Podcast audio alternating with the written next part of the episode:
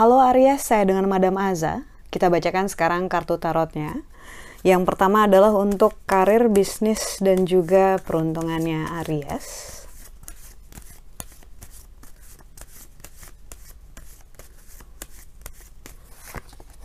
Kartu yang diberikan adalah kartu judgment. Kartu judgment ini menunjukkan energi panas yang terlalu banyak ya Matahari, gunung berapi, ular, api, dan juga lahar, segala unsur yang panas ini representasi dari terjadinya potensi konflik atau terlalu banyak pengeluaran.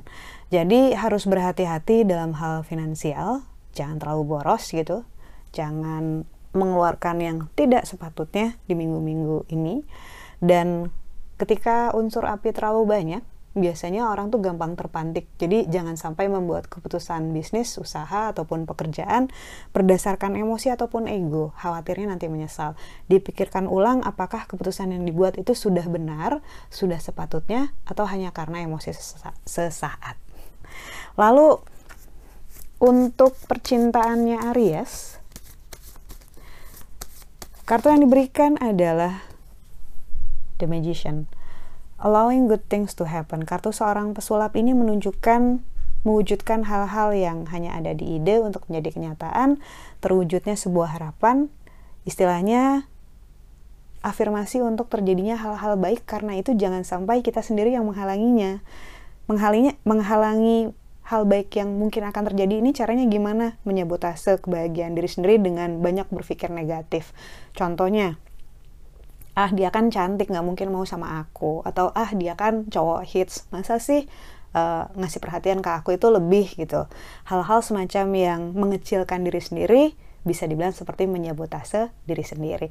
Kartu The Magician allowing good things to happen tandanya apa pun yang terbaik apa pun yang bagus bisa terjadi karena itu diizinkan saja untuk terjadi. Lalu kartu nasihat yang diberikan untuk Aries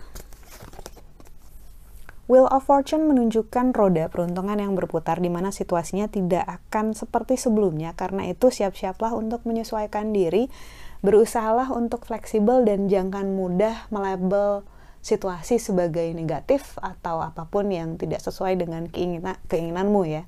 Terkadang kita lupa bahwa uh, tidak mendapatkan apa yang kita inginkan bisa jadi adalah suatu hal yang bagus lebih bagus dibanding rencana awal gitu.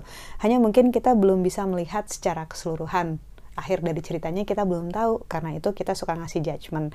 Biasakan untuk berprasangka baik sama Tuhan, dan juga biasakan untuk uh, lebih grounded ya. Membumikan diri sendiri itu istilahnya gimana ya? Uh, kita hadapin aja apa yang ada di depan muka kita. Jangan suka what if, what if, gimana kalau terus overthinking hal yang buruk atau malah misalnya kayak gimana kok kalau membayangkan posisi yang lebih baik gitu ya sehingga tidak mensyukuri dengan apa yang sedang didapatkan sekarang gitu.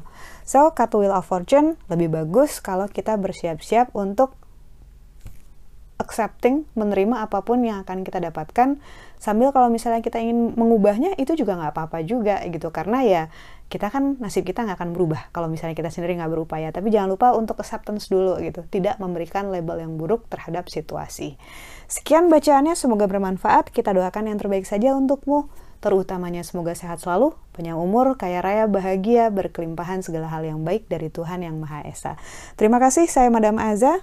Uh, minta tolong untuk di klik like-nya, subscribe, share, dan juga komen.